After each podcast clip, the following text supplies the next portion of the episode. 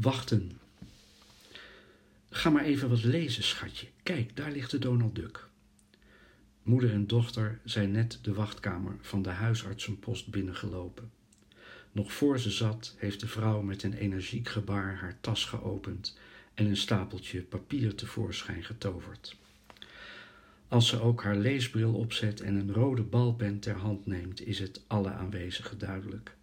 Dit is een druk bezette onderwijsmevrouw die haar tijd efficiënt dient te benutten. Ik vind de Donald Duck saai, zegt het meisje. Waarom heb je dan zelf niet wat te lezen meegebracht? Over de bril kijkt moeder haar jufferig aan. Vergeten. Je moet vooruitdenken, hè, zegt ze zacht.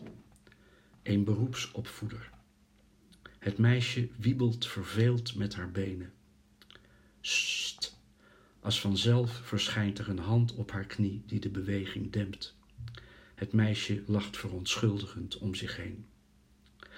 Moeder is intussen verdiept in de proefwerken en zucht meewarig terwijl ze met haar rode balpen diftig, driftig strepen op de vellen trekt.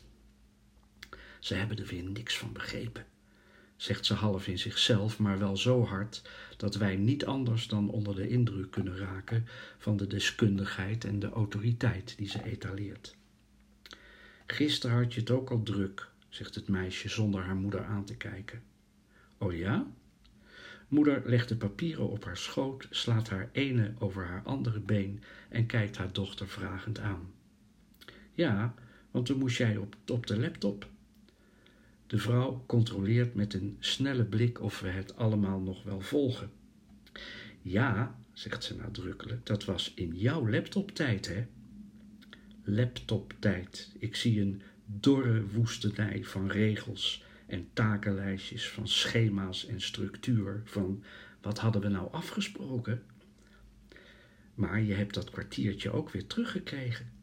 Haar glimlach schrijnt over het opgeheven gezicht van haar kind. Ja, maar ik was er wel helemaal uit. Je moet ook geen spelletje spelen, je moet tekenen. Vroeger kon je zo mooi tekenen. Ik vind tekenen saai. Het meisje buigt voorover. Frunnigend aan haar laarzen legt ze de kiem voor de oorlog die de komende jaren onvermijdelijk uit zal breken in dit verantwoorde gezin. Verderop gaat een deur open. Cheryl, vraagt een mannenstem. Het meisje wipt van haar stoel en trippelt in de richting van de dokterskamer. Moeder propt haastig alle spullen in haar schoudertas en trekt nog even haar truitje recht en sist. Wachten!